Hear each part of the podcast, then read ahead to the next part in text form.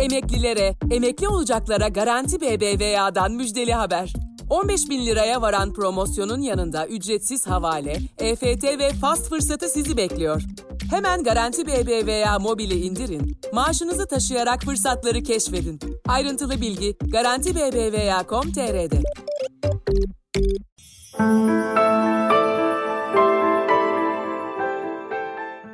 Kısa Dalga İşbirliği'yle hazırlanan Kapsül Haber'desiniz. Bugün 24 Temmuz Cuma. Ben Minez Bayügen. Başlıyoruz. Gazeteci Murat Yetkin, Cumhurbaşkanı Tayyip Erdoğan'dan İstanbul Sözleşmesi'nin feslini talep edenlerin bir rapor hazırladığını yazdı. Türkiye Düşünce Platformu adlı kuruluşça hazırlanan raporun imzacıları arasında Diyanet'in eski fetvacılarından Hayrettin Karaman, Cumhurbaşkanı Başdanışmanı İsrafil Kışla ve MÜSİAD'ın kurucu başkanı Erol Yarar gibi isimler bulunuyor. Raporun imzacılarına göre sözleşmede şiddetten söz ediliyor ancak neyin şiddet olduğu tanımlanmıyor her türlü cinsel sapma hareketi cinsel yönelim kavramıyla meşrulaştırılıyor ve ahlaki ve toplumsal yaptırımlardan muaf kılıyor. Daha önce Nakşibendi tarikatının kollarından biri olan İsmail Ağa cemaati de İstanbul Sözleşmesi'nin iptali için bir bildiri yayınlamıştı. TÜSİAD da İstanbul Sözleşmesi'ne dair bir açıklama yaptı. Açıklamada İstanbul Sözleşmesi Türkiye ve dünya kadınlarına verilmiş bir söz, güçlü bir taahhüttür. Bu sözden caymayalım, şiddet uygulayanları cesaretlendirmeyelim dendi. Hürriyet gazetesinin iddiasına göre adalardaki ulaşım sorunu çözüldü. İçişleri Bakanı Süleyman Soylu kendisiyle görüşmeye gelen Ekrem İmamoğlu'na telefonu uzatıp Cumhurbaşkanı Tayyip Erdoğan'la görüştürdü. Erdoğan, Adalar Kaymakamlığı'nın reddettiği izin başvuruları için oldu bir iş, mesele çözüldü dedi. Adalarda kullanılacak araçların ücret tarifesi 12 lira olarak belirlendi.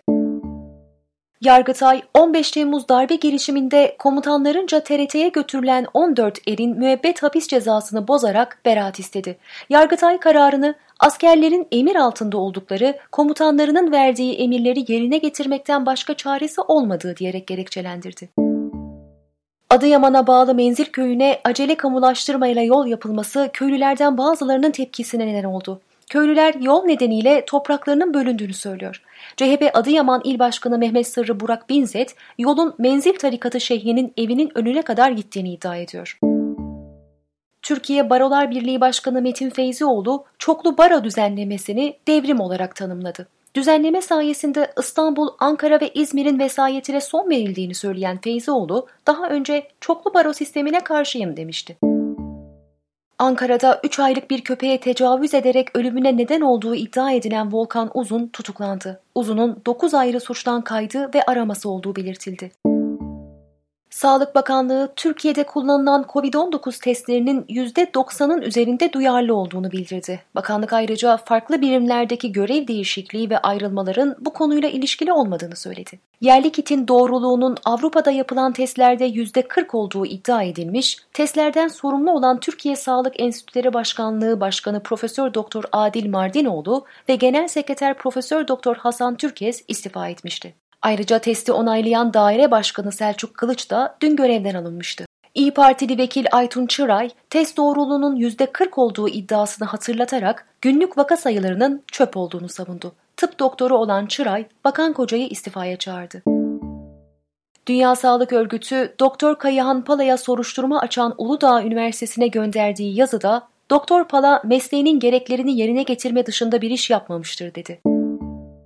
Aile hekimlerine ücretsiz olarak verilen kişisel koruyucu ekipman dağıtımı, ihtiyacınız olan malzemeleri kendi cebinizden karşılayın yazısı gönderilerek durduruldu. Gerekçe olarak salgında normal döneme girildiği ifade edilirken aile hekimlerinden evlerinde karantinaya alınan hastaları her gün ziyaret etmeleri talimatı verildi.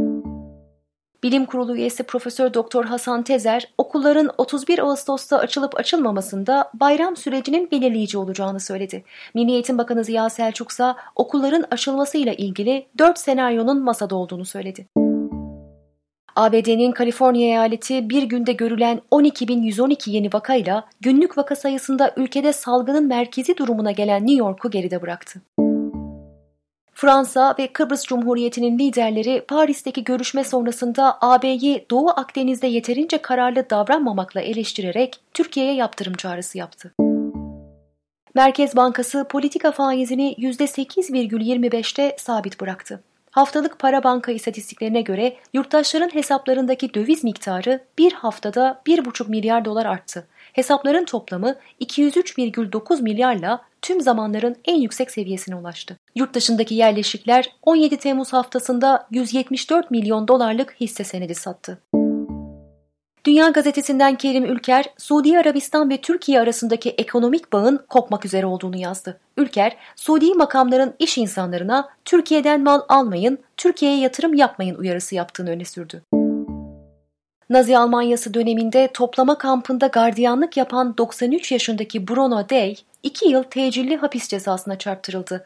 Day, kampta görev yaptığında 18 yaşın altında olduğu için çocuk yasalarına göre ceza aldı.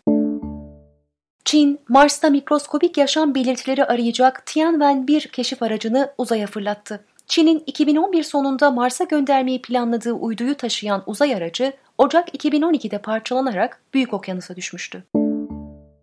Kenya'nın Mombasa kentinde yaşadığı mahallede binlerce insanda kurşun zehirlenmesine yol açan büyük bir fabrikaya karşı 10 yıldır hukuk mücadelesi yürüten Phyllis Omido, fabrikayı ve devleti 12 milyon dolar tazminat ödemeye mahkum etti. Emirates Hava Yolları yolcularına COVID-19 teşhisi konması halinde tedavi masrafını karşılamayı garantilediğini duyurdu.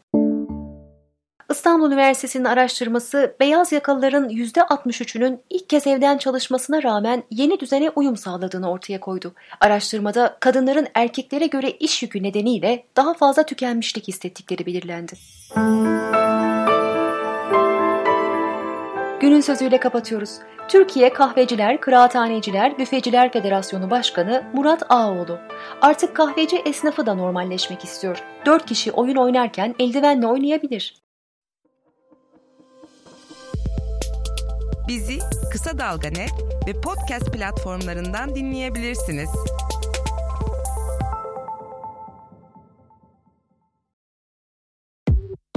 Emeklilere, emekli olacaklara Garanti BBVA'dan müjdeli haber.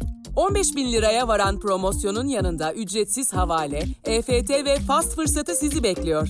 Hemen Garanti BBVA mobili indirin, maaşınızı taşıyarak fırsatları keşfedin. Ayrıntılı bilgi Garanti BBVA.com.tr'de.